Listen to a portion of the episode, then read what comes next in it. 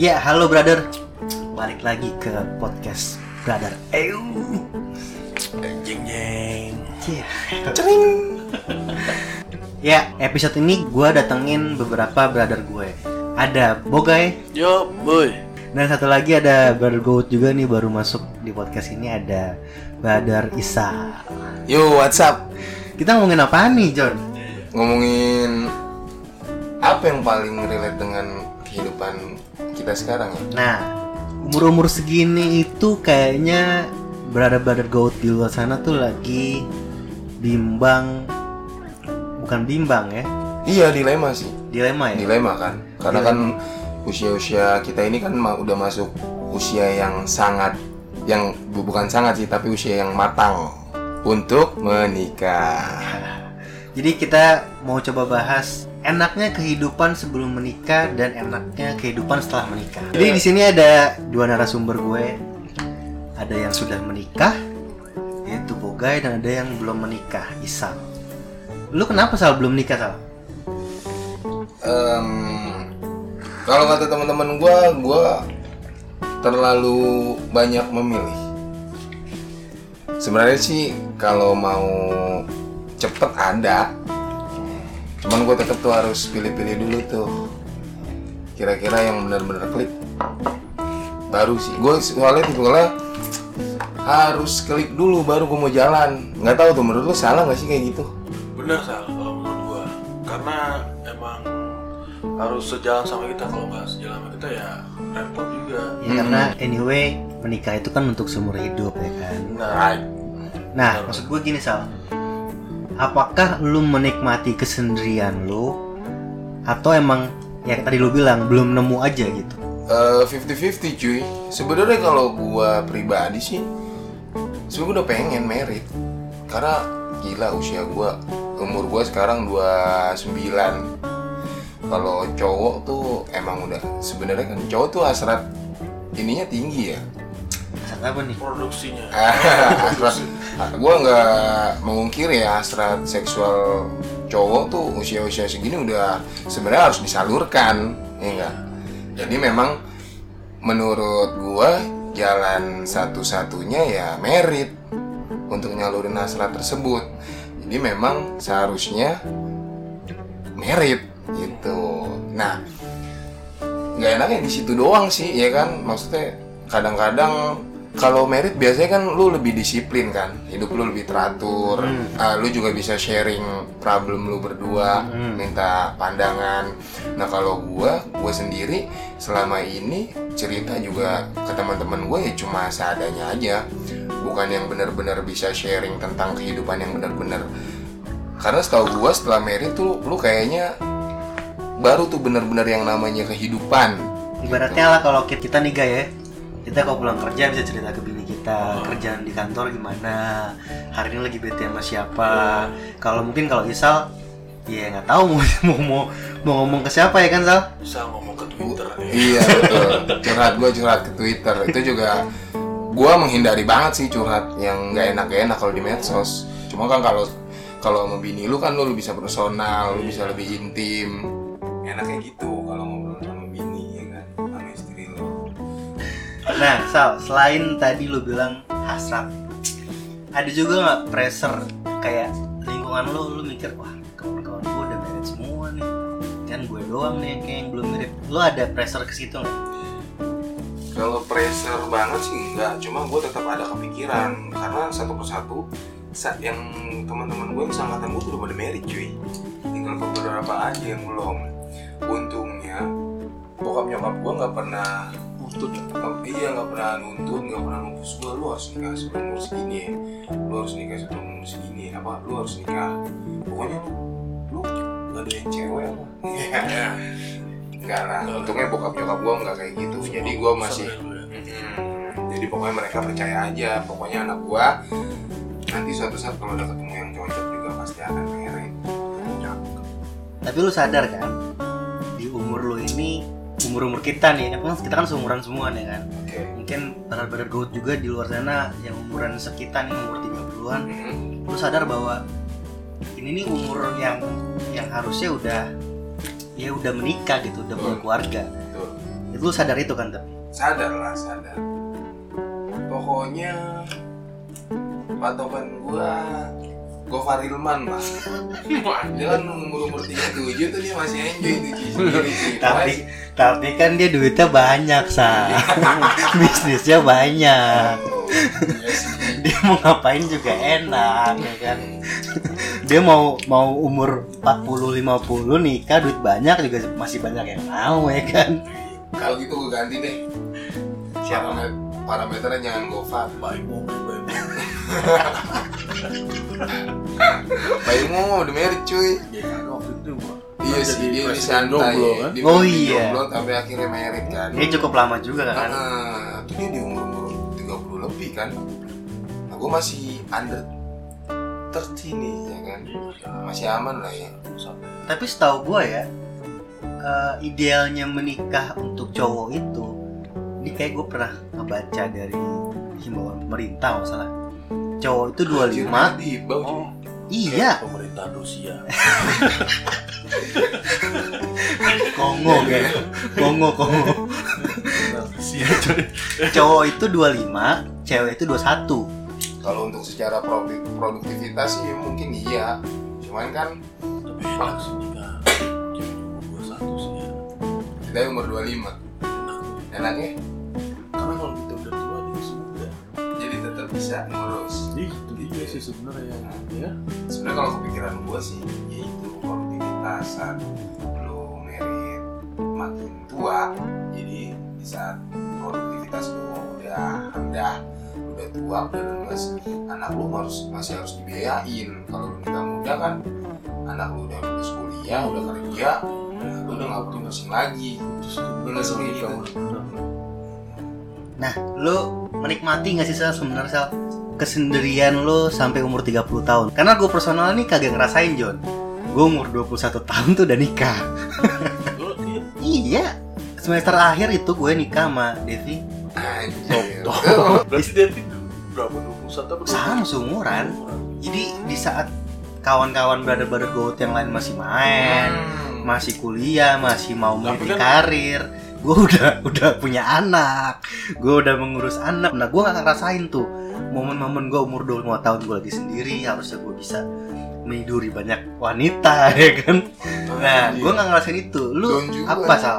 Lu menikmati nggak perjalanan lu sampai umur 29 tahun ini? gue kalau secara dekat sama perempuan pacaran juga gue nggak banyak ya gue selama hidup pacaran dua kali ya kan ngewe juga jarang jadi kalau kalau lu konteksnya menikmati hura-hura foyo-foyo dengan perempuan gue sih biasa aja. Cuman gue nggak kuper-kuper amat. Gue gaul juga gue tahu. Maksudnya oh gaul yang dari segi dunia malam kayak gini. Oh dari gaul yang segi pelajar kayak gini gitu. Kalau dibilang nikmati ya kalau sekarang sih 50-50 mungkin justru sekarang gue berpikiran kayaknya lebih nikmat ya dibanding sendiri Oh, ini lu- saat ini Lu udah di titik di mana ah gue capek nih kayak ini iya cuy Dan iya kayaknya nikah, gue liat temen-temen gue enak-enak aja nih. iya cuy Nah guys, sekarang perspektif lo yang udah menikah nih guys. Gimana guys? Enak nggak guys? Ya, Dibanding lo waktu kayak Ical, eh, Isal gitu. ada ada enaknya ada enggaknya pasti ya. Kalau udah nikah ya enaknya kalau buat cerita ke mana terus Ngewe juga nggak susah ya. Iya itu, itu juga pasti ya. Itu udah pasti kan. Tapi buat para audiens nih dia raut mukanya nggak mendandakan bahwa itu nikmat. Seperti lebih banyak tertekan kalau bisa. Oh, iya, bener. Iya makanya Semua pasti merasakan. Makanya saat tadi kan dia bilang ada enak nggak enaknya. Gue mau nanya nggak enaknya apa nih? Lo ditanya enak, tapi muka lu nggak enak. Gimana tuh? Apa nggak enaknya? ya nggak enak ya kita terbatas lah semuanya jadinya nanti yang biasa kita lihat ya kan main atau mana nggak udah nggak bisa sekarang udah ada batasan pulang pulang malam inget bini inget anak ya kan? Ingat apa di, disuruh pulang? Apa yang inget lah pasti lah Beda nih. pasti kita ada bayangan anak pasti itu Iya pulangnya karena inget apa karena disuruh? inget dan juga disuruh Gak, gak, gak ada, gak ada inget disuruh iya. Ingat ada jawaban. Masa sih? Gua, sih. Iyalah kalau anak, kalau anak Ya lu pernah gak sih dipancing gitu kita lagi di luar gini tau-tau video call muka anak kita lagi tidur. Oh iya. Bener ya? Pasti lu pengen pulang ya. Itu pancingan-pancingan Itu pancingan-pancingan tai ya. Yang mau nggak mau kita nggak bisa. Video anak bangun malam-malam. Oh iya dia nyariin ya. Gimana sih lu? Ya, pasti ya. Nah, ya itu nggak enaknya gitu ya, nggak nggak nggak bisa bebas. Tapi kalau gue boleh testimoni, Boga itu menurut gue orang yang asli panutan cuy. Iya itu. Setelah nikah paling santai hidupnya masih dia tetap. Semua orang yang semua teman-teman yang gue tahu dia yang paling santai.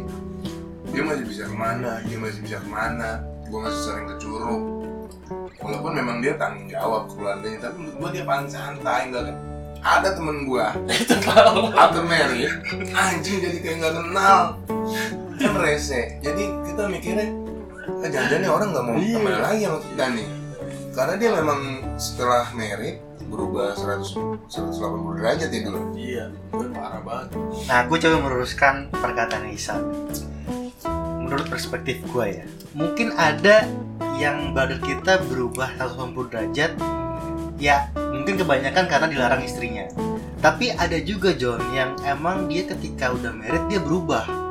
Berubah bukan karena istri ya, berubah emang ah gue gue udah nggak mau nongkrong lagi. Jadi emang dari dirinya ada juga. Bro, sen main.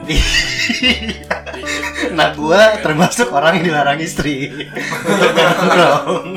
Gitu, gue berubah 20 persen. 20%. Kebanyakan semua karena dilarang istri ya. Nah, Sal, lu takut nggak akan hal itu, Sal?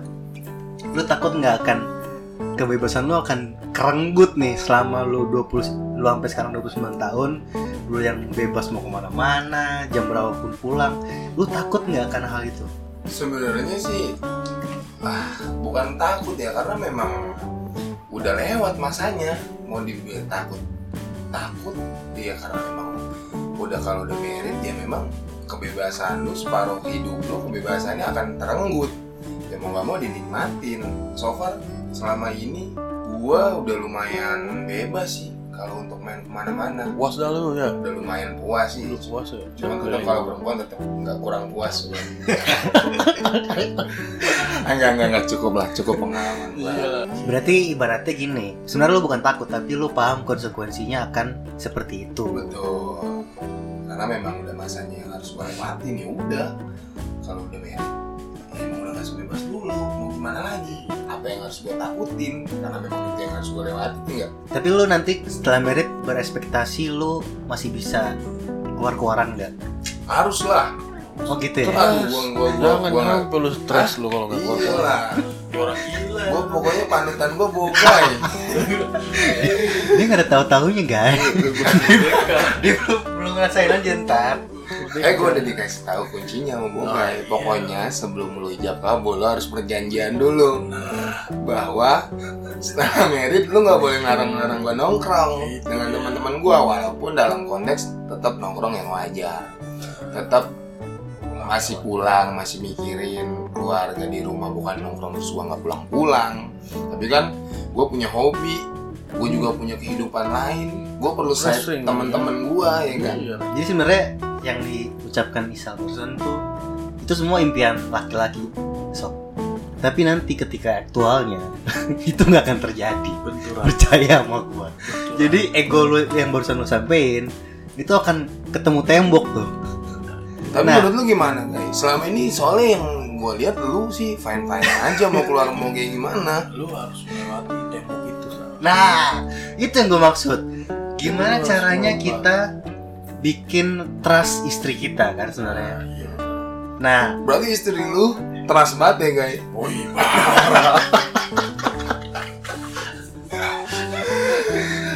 Pantas banget gokil gokil bisa. enggak, Iya. enggak juga sal. Nah, itu maksud gue antara istrinya yang trust banget atau boganya emang udah nabrak tembok aja udah tabrak aja temboknya gitu. Gak peduli gitu. Ada tembok tabrak aja udah monter disusun lagi temboknya ya kan. Tapi pada end kan aman gue lihat dia ini kalau misalkan let's say dia nabrak tembok tapi pokoknya gue lihat sekarang aman di depan lo aman nggak? Di depan. oh aman tuh kata dia. Aman. Karena kita sudah mengedukasi dari awal. oh gitu ya. Nah iya guys gimana guys tips-tipsnya guys gue juga bener juga kata Isal. Gue ngeliat lo lo masih bisa sepedahan masih bisa Ya itu balik lagi kayak Isal bilang kalau nyari cowok cewek itu harus yang klik, harus ngerti. Kita juga tapi kita harus ngerti dia juga kalau dia punya kehidupan. So main main main gitu. tapi susah guys aktualnya di obrolan suami istri itu susah caranya. Nah mungkin gini Bogai bisa memberi tips ke brother-brother gue juga ke Isal gimana caranya milih eh, wanita yang bisa mengerti kita nanti ya kan? Aduh, gua udah luntur. terus terus dari tadi lu ngomongin berdasarkan apa iya. Ya, gimana gimana guys cara milihnya gimana? Apa dah yang paling pertama lu lihat? Pasti orang bilang fisik ya. iya heeh.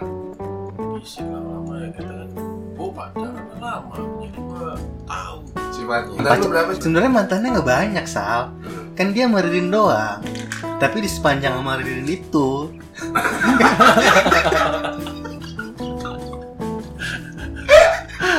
Di sepanjang itu yang yang tarikannya tuh uh ke mana-mana. Bercabang. Nah lu kan tadi lu bilang lu pemilih sal kata temen-temen lu kan. Emang lu se- sepemilih apa sih? Hmm, pertama pasti fisiknya tuh gue pilih. Gue lihat mukanya dulu tuh sekiranya muka dia cocok. Baru gue lihat eh, gimana cara dia ngomong. Tapi yang paling pertama sih sampai saat ini gue akuin gue selektif banget perempuan tuh dari fisik nggak tahu benar nggak tahu salah ya tapi itu yang gue rasain. Dan gue juga udah coba untuk karena teman-teman gue banyak yang bilang eh lu kalau milih yang cakep-cakep pertama lu harus modal budgetnya gede. Kedua lu akan lama dapetnya. Nah gue udah coba kan turunin Eh, karena gue udah beberapa kali ketemu perempuan. Pertama kali gue lihat oke. Dua kali oke nggak ya? Tiga kali ah kurang oke nih udah gue tinggal gitu aja. Jadi nggak sempet nggak sempet jalan lama. Gue beberapa perempuan sih kayak gitu. Ada tiga lah perempuan yang gue dua kali tiga kali tiba-tiba gue posting aja gitu. Ya gara fisik? Iya pernah gue ngeliat asli cuy gue bawa ke mall. Ini perempuan gue bawa ke mall. Iya. mall apa? Yang di Jakarta Barat? Putra. Itu apartemen deh. Puri Indah Mall satu lagi Puri ada Indah ada bu. Tapi bukan Puri Indah Mall ada yang satu lagi. Nah pas kan tuh mall terang banget kan. Pas gue mau nonton Anjay. dia naik eskalator. Dia duluan jalan. Jadi gua kan di bawahnya kan karena kan gua nggak sejajar sama dia. Dia duluan naik gua baru naik.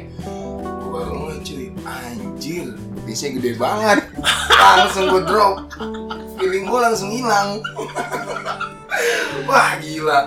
Akhirnya gua di dalam bioskop nonton film nggak ada yang masuk ke otak gua. Gua udah pikiran gua udah Mau cabut, pulang. cabut cabut cabut cabut cuy. Gimana cara cabut? Nah udah dari situ gua tinggal cabut. Udah gua ghosting. Jadi gue ngilang itu aja. Karena belum jadian juga itu baru pendekatan.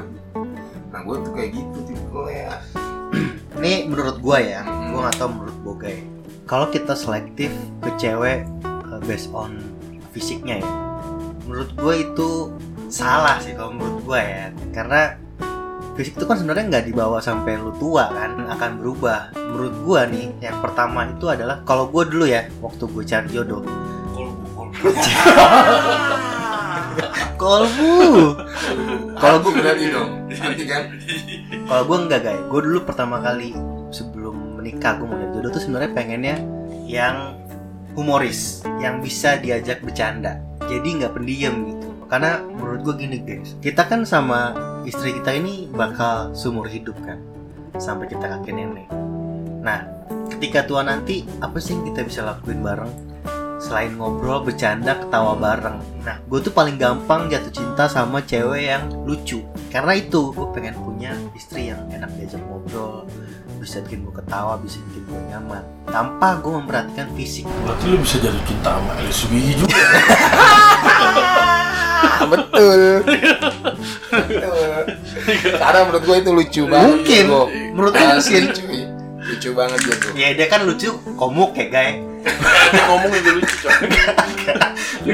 komuknya dia komedi kan belum tentu dia ngomong komedi Lucu ya. ya kali lu tiap hari ketawa gara-gara ngeliat komuknya doang lihat komuk ketawa ya kan Berarti yang bercandanya mirip-mirip dengan lu lah ya. Selera iya humornya mirip-mirip. nggak nggak harus mirip sih seenggaknya dia dia punya selera humor ada lah gitu bukan yang pendiam lu bayangin nggak sih lu punya bini yang pendiam gitu lu tiap hari ketemu diem dieman lu pas lagi tidur nih tidur tuh jadi gini sal kalau di suami istri ya malam-malam itu adalah waktu yang sakral buat kita karena eh, waktu-waktu menjelang tidur tuh adalah obrolan-obrolan penting yang harus kita bahas berdua. Di hari itu. di hari itu. Entah kita ngomongin besok mau kayak gimana. Ya tadi gue bilang entah kita nah lu ngebayangin nggak kalau lu punya istri yang pendiam gitu? Lu ngobrol dia diem aja. Paling cuma jawab oh gitu. Kan maksud gue kalau lu punya istri yang humoris itu bisa dibuat jadi bahan bercandaan. Jadi lu nggak kepikiran lagi nggak stres gitu sih. Oke. Tapi lu ya cewek itu dari lucunya. Nah itu gue. Kalau eh, tahu dalam isi pikiran ini pernah berpikir nggak kalau cewek pendiam itu sebenarnya humoris? Tahu nggak kayak gimana? Terus gila gimana? Jadi gini humoris itu bisa orang pendiam. Bener kata lu. Orang pendiam itu bisa humoris. Cuma dia nggak berani nunjukin humoris itu. Orang takutnya dipikir "Ah, benar." cuma kalau udah kenal di dalam pasti ada sisi. Bisa. Gue setuju. Gue gue ngeliat lu ngomong gitu karena gue tahu Ririn orangnya pendiam kan tapi mungkin di sisi lain sama lu itu dia humoris tapi yang gue tangkap nih pendiam yang gue maksud tuh orangnya bukan bu- bukan pendiam yang humoris pendiam yang emang Serius. serius terus nggak banyak omong gitu loh masuk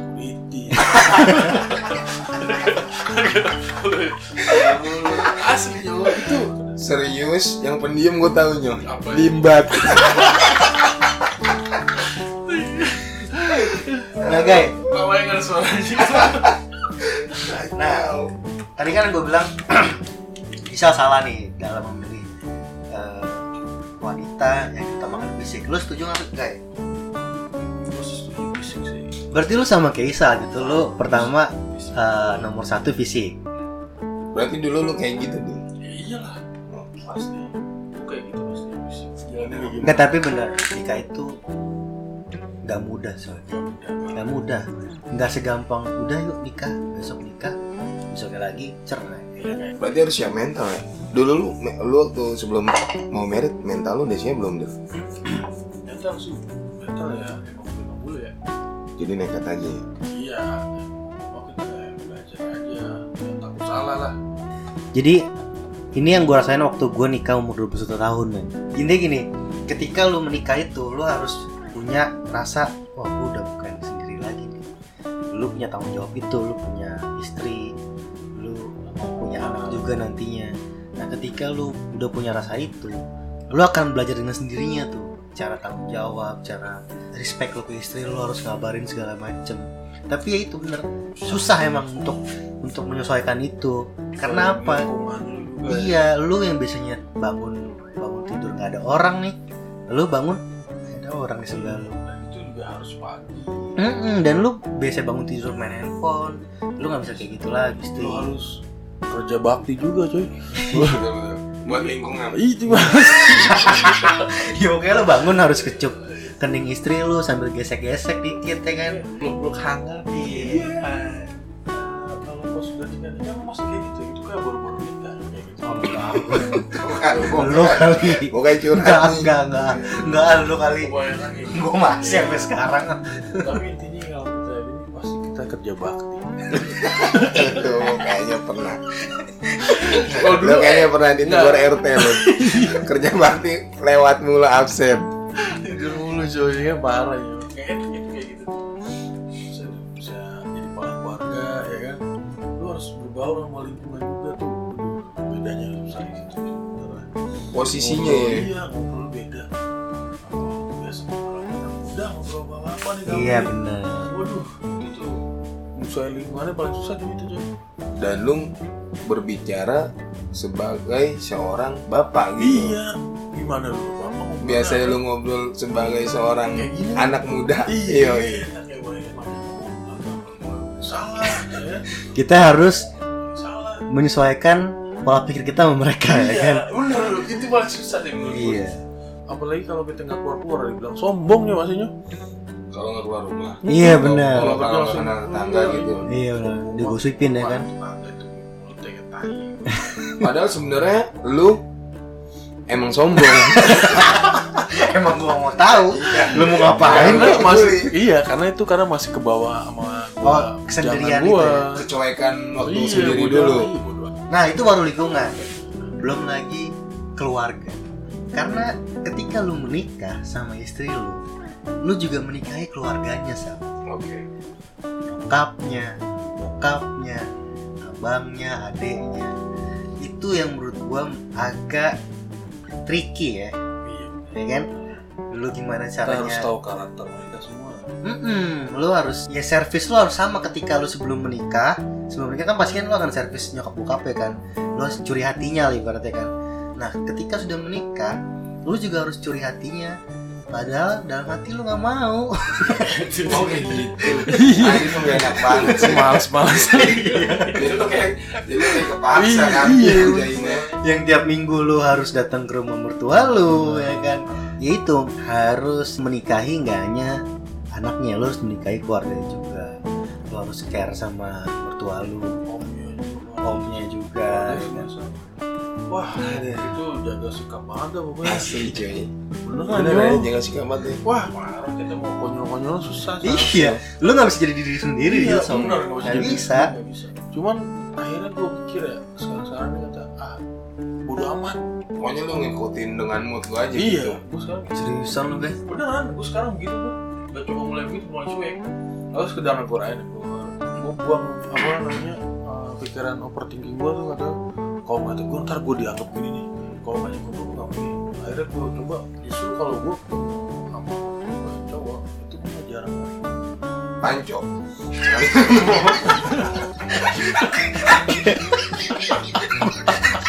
Gua kira gua kira ini enggrang bareng ya kan? Asli segala sesuatu ini kita harus dipaksain ya. kan? itu Gak enak kan?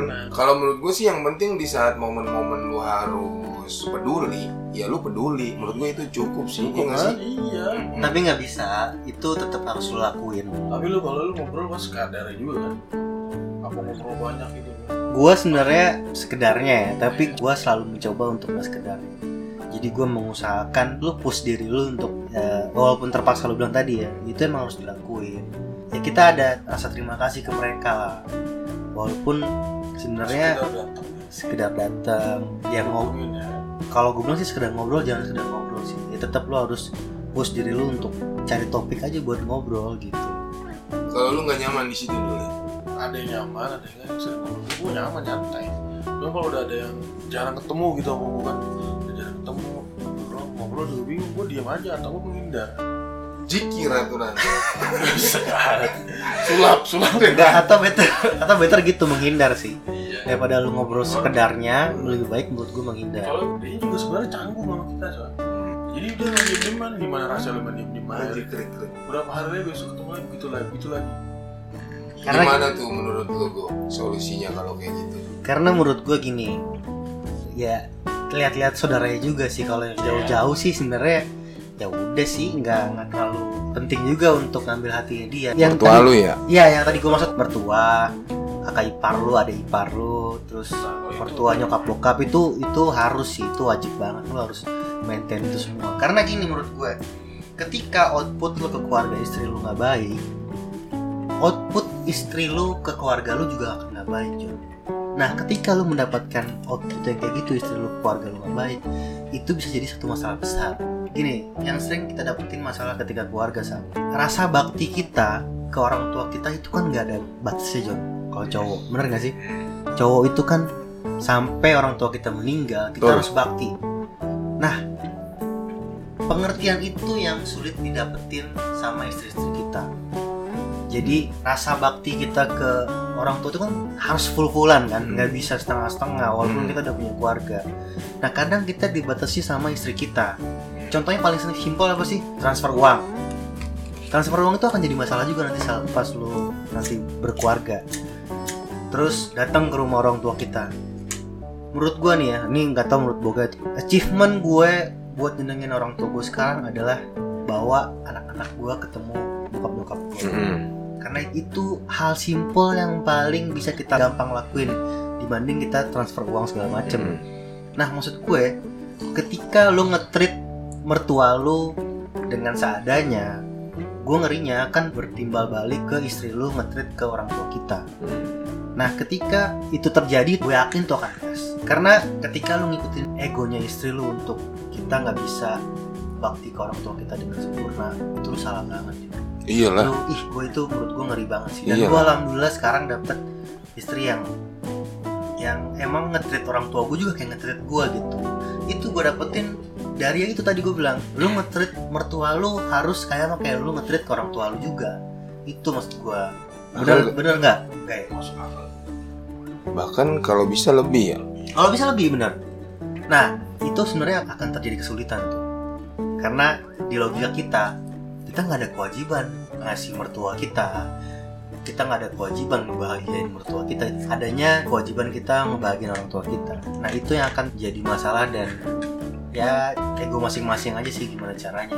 Lu sempat dapet masalah itu? Maksud gue lu pernah ada nggak di posisi ketika gue mau berbakti sama orang tua gue tapi istri gue nggak support nih? Pernah pasti pernah. Pernah kan? cuma gue pun juga pernah. Gue pasti emosi kalau gue gue emosi. Cuman setelah emosi ya gue kasih pengertian lah. Yang penting kita ngerti lah. Kan istri maksudnya menurut tamu kita. Maksudnya dia nggak ada kewajiban maksudnya Nah, artinya istilah kalau lu mau berbakti ke orang tua lu dia harus support lah. Karena kan dia harus berbakti sama lu ya enggak? Iya. Oke. Mungkin secara ngomong gampang ya tapi teori eh, aplikasinya susah ya Hmm, cuy itu dia. Sebenarnya itu yang paling susah. Gue pun juga mungkin ngomong sekarang gampang. Tapi tapi di keseharian gue masih terjadi itu sob. Ketika lo mau transfer orang tua gue kan nggak mungkin lo main transfer transfer aja bilang. Yakin pokoknya aja pasti gitu. Nggak mungkin lo transfer transfer aja. Nggak mungkin lo kasih kasih aja. Pasti seenggaknya lo ngomong ke istri lo walaupun enggak sih oh sih. Keren berarti lu jadi keren lu guys. Ih keren lo kalau kayak gitu. Walaupun lu, emang karena emang lu nggak transfer. Sebenarnya Mansan nggak ngomong. Walaupun emang sebenarnya nggak nggak harus ya tapi di dalam hubungan suami istri komunikasi itu penting. Iya. Sih ketika lu nggak ngomong itu akan jadi masalah lagi. Paling komunikasi paling penting nah itu maksud gue ketika lu mau transfer orang tua lu pasti nanti akan ada omongan ih kok mama aku nggak digituin juga sih? Pasti ada omongan gitu. Ih kok papa aku nggak ditransfer juga sih? Nah itu gimana caranya lu ngertiin ke istri lu lah itu tapi transfer semampunya kita kan Yoi, semampu kita pasti. Nah, gue mau coba kasih tips lagi nih ke Isal. Ini menurut perspektif gue juga ya, cara memilih istri ya. oke Carilah pasangan yang kaya. Karena gini menurut gue, ketika lu punya pasangan yang kaya, jadi ketika lu berkeluarga, 50% masalah keluarga lu yang biasanya lu perdebatkan itu nggak akan nggak ada. Contoh kayak bayar listrik, siapa yang bayar, Pusing ya. cicilan mobil segala macam. Itu nggak pusing. Jadi nggak ada masalah gitu loh. Cantik menurut gue udah nggak perlu. Iyalah kalau kaya mah bisa perawatan. lumpuh gimana? kayak lumpuh gimana ya ini dark banget sih ini. Lumpuh. Lumpuh gimana sih Sal? tapi menurut gue ada lagi nih. Ini sebenarnya utama dari semuanya. Jadi tips ini tuh turunannya ke semuanya. Yaitu adalah ngerti agama. Itu mah dari nabi juga. Nah, kalau udah ngerti agama. Sebagai muslim. Udah ngerti agama pasti dia nurut Iya, itu dah. ini Paham. nggak usah. Jadi nggak usah udah. Jadi nggak usah. nggak usah ya nggak usah. Iya, jangan jadi usah. ngomongin deh karena ketika udah ngerti agama udah turunannya udah udah semua. udah. udah turunan udah semua lah. Kayak mau kaya mau miskin juga nggak peduli. Itu kan ada di hadis nabi. Tapi kalau lu mau yang selamat yang paham agama Udah selamat semua Itu dia turunan. itu udah Nggak pasti selamat kaya. biar kita susah dapet duit segini ya udah nggak apa-apa. Semua Asli. nikmatin waduh. Asli masih kayak gitu. Terus cantik sama itu cukup kayaknya ah, udah agama dunia akhirat udah udah akhirat nggak ditagih ya kan nggak perlu bayang ngajarin Mm-mm. ya kan perlu bayang bimbing ya kan di dunia ada yang ngerti juga dia ya mau ngaji aduh jangan ngaji dulu Seenggaknya kalau kita miskin, jadi bisa fokus kerja keras. Iya nggak kalau kayak gitu? Istri nggak bakal ganggu kan? Mm-mm, karena dia ngerti. Ya, Heeh, dia udah akan support kita. Jadi fokusnya kita nggak kebelah-belah tuh. Ini gimana ya kerja keras. Baju ini ini mana sih nggak perlu beli Bangsat. kalau yang ngerti agama ada ini masih ada baju masih bagus nggak usah enak nggak sih gitu tenang ya Jadi buat brother Gout yang dengerin tips-tips yang tadi kita kasih sebelumnya dari tips terakhir ini. Itu tips penutup. Iya tips penutup nih yang gue kasih ke lu pada. Jadi tips-tips yang tadi gue sampein kayak Isal bilang cantik, Bogai bilang cantik juga, gue bilang harus kaya, harus enak diajak ngomong. Itu semua akan kalah sama tips ini. Yang ngerti agama. Itu udah pasti selamat, lu nggak akan mikirin apa-apa lagi udah. tenang lah pokoknya Yang dia udah ngerti bahwa ketika menikah berbakti udah sama suami doang. Apalagi dia sadar Allah itu yang nyuruh dia untuk berbakti sama suami itu udah selesai sob. Ya ibarat ngerti agama tuh eh, gimana sih karakternya? Ya ibaratnya dia ngumpul di masjid tiap hari. Ini gua masuk ke fisik ya kriteria fisik. Berkerudung tuh udah pasti. Dia menjaga aura dia dia hormat ke orang tuanya segala macam. Itu udah turunan lah pokoknya. Udah sesuai lah dengan iya syariat. It- ya emang ini agak muluk sih ya. Ini agak Tapi ada kok. agak susah ditemuin ya Kalau sekarang udah susah.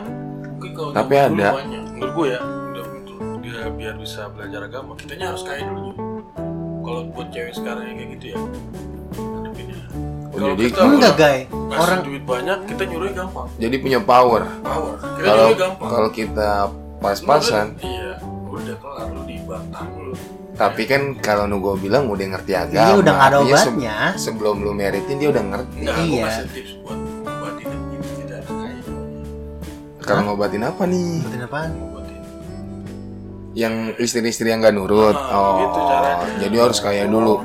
ya nggak ada obatnya dia harus ngerti agama Iya, cara mancing halus begitu loh Iya sih. enggak enggak Iya. itu sebenarnya gimana cara kita ngasih sebagai itu suami nabi ngajarin gitu brother itu sebenarnya dari diri kita juga dari diri kita itu kita harus tahu agama juga nggak mungkin gitu. ahlak kayaknya dah. kalau lu udah dap udah dapet nih ya lu udah terjadi lah mungkin baru di luar sana udah udah terjadi nih pernikahan istri lu dapet yang ngerti agama obatnya yang tadi kalau tadi bilang kan harus kaya kan menurut gua kita obatnya kita tuh maksud, maksudnya nggak harus kaya guys yang penting kita pun juga harus ngerti agama kita harus nunjukin ke dia agama itu apa cara kita berpenampilan cara kita ngatrit dia itu juga harus lewat agama Tapi emang ada beberapa case yang kayak gitu. Ada beberapa tuh gimana sih kayak maksudnya? gitu. maksudnya nih kayak gini nih lu pernah dengar gak cerita Ari Untung nambah bini bisa Bisa pakai jilbab. pernah dengar gak? Nggak pernah. Nah, Iya, ngetrit pakai cara Karena Ari Untung nggak pernah rugi. untung mulu Iya. Ari Kenapa? Kenapa? Lu tau dari mana tuh? karena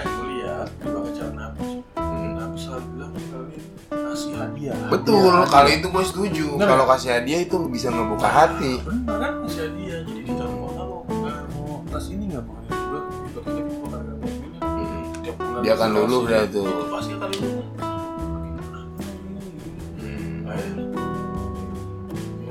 Gua iya gua masuk jalur kita suruh jadinya. Cara halusnya gitu kalau perempuan kita kasih tahu kita ngerti agama nih kasih tahu lu kagak sholat tuh? Bangun. Iya gitu. Enggak contoh ya. Cara pertama cara cara kasar terus udah cara halus kan kita kesel ya. Udah cara halus sholat dong. Ayo subuh ya. Ayo kita bareng jamaah. Itu yang benar. ya kan? Ya salah ngomong kesel ya? Lu bilangin masa ngomong kesel. Kan buang nggak bisa. Kalau- itu kan makin perempuan makin gini makin Patah. patah makanya cara jadi pasti dia bakal sama Lama-lama akan kebuka hati. iya itu cara gitu bisa bisa kalau emang kalau kayak modelnya kayak misal nih belum nikah kan belum kejebur kan maksudnya Mm-mm. masih Ya, bisa, bisa. milih Iya. preventif lah ya Heeh. karena menurut gua gini wanita-wanita zaman sekarang tuh nggak kayak wanita zaman dulu. Beda kan Bener kalau nggak? lu? banyak kalau dulu banyak enggak paling simpel aja guys lu lihat guys nyokap kita sendiri. Iya. Gua menurut gua ya udah nggak ada wanita kayak nyokap gua. Nyokap gua nih masih sampai sekarang nih. Bokap gua pulang kerja masih ditungguin. Asli. Nungguin dia nggak mau tidur dulu nungguin bokap gua. Nah itu maksud gua kenapa harus pilih yang agama? Karena itu doang kuncinya biar buat dapet istri yang nurut, hormat sama kita tuh udah susah banget zaman sekarang. Berarti tips-tips yang tadi semua kalah ya. Berarti ini tips penutup. spiritual nih ya. Dan, dan sebenarnya kalau kita bahas ini panjang lagi nih. panjang Turunan Panjang, banyak nih turunan. tapi bener tapi bener walaupun walaupun terlihat podcastnya bercanda ya kan tapi bener berarti kita ada arah pandangan ke situ Iya. ya? Gue nggak mau mengignoran itu sih. Di balik semua tips-tips yang kita kasih tadi awal. Ya itu tips yang awal tuh yang general lah ya tipsnya ya. Tapi tips penutup tadi itu itu buat brother Euk yang dengerin itu udah paling benar. Itu udah nggak ada obat. Itu yang akan menyelamatkan lo nanti di kehidupan setelah menikah. Ah, buat Okti Okti yang mendengar podcast ini harap hubungi saya sempat terpuruk gak sih. Terpuruk untuk pas lagi kayak gitu enggak main terpuruk main- enggak? Main. enggak. Enggak sih. Enggak ya? gue sebenarnya nggak nyangka aja. Habis itu gue dapet cepet langsung nikah lagi gitu. Oke. Gue tuh sebenarnya nggak dengerin banget bokap gue setelah gue cerai pertama itu gue dengerin banget. Gue sama kayak lu Sal. Selektif banget tuh langsung. Gue pengennya dapetnya yang agamis banget ketemu di masjid terus ngerti agama. Karena gue menyadari yang pertama nggak begitu kan. Tapi ini Kayaknya tadi gue ngomong gitu. ya pokoknya paham lah. Tapi ternyata apa daya eh, jodoh itu nggak ada yang tahu. Pasti pun jodohnya pasti kata orang katanya lu kayak gini pasti nanti dikasih bini lu kayak begini juga. Iya, jadi mau gimana pun selektif kita, jodoh itu nggak ada yang tahu. Jadi gua tadinya selektif mau dapet yang agamis segala macem, gue dapetnya sekarang ya yang sama-sama belajar untuk ngerti agama lagi. Gue dapetnya yang belum masih belajar lah masih belajar lah, masih jauh Oh, dari jauh. masih jauh dari harapan gue yang sebelumnya dari yang yang ngerti masih agama. Ya itulah eh, obrolan kita soal eh, enaknya kehidupan sebelum menikah dan kehidupan setelah menikah. Intinya dua-duanya punya positif dan negatifnya. Dua-duanya juga ada enaknya, ada nggak enaknya. Yang penting eh, jalanin karena sebenarnya eh, kehidupan kita tuh dimulai setelah menikah kata Isal tadi yang pertama. Ya itu sih. Mungkin dari ada kata-kata terakhir dari Isal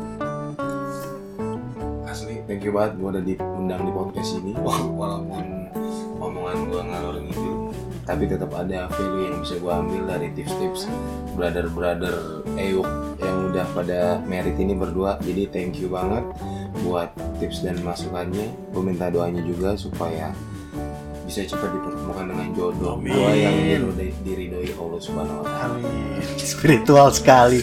Spiritual sekali menutupnya. Lagi cuma. Ya, Bogai apa, Guy?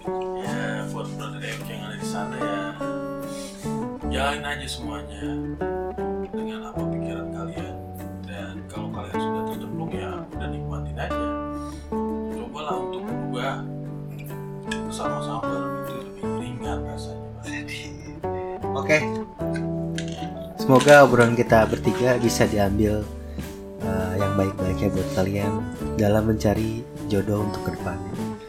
Kita pamit bertiga, ciao.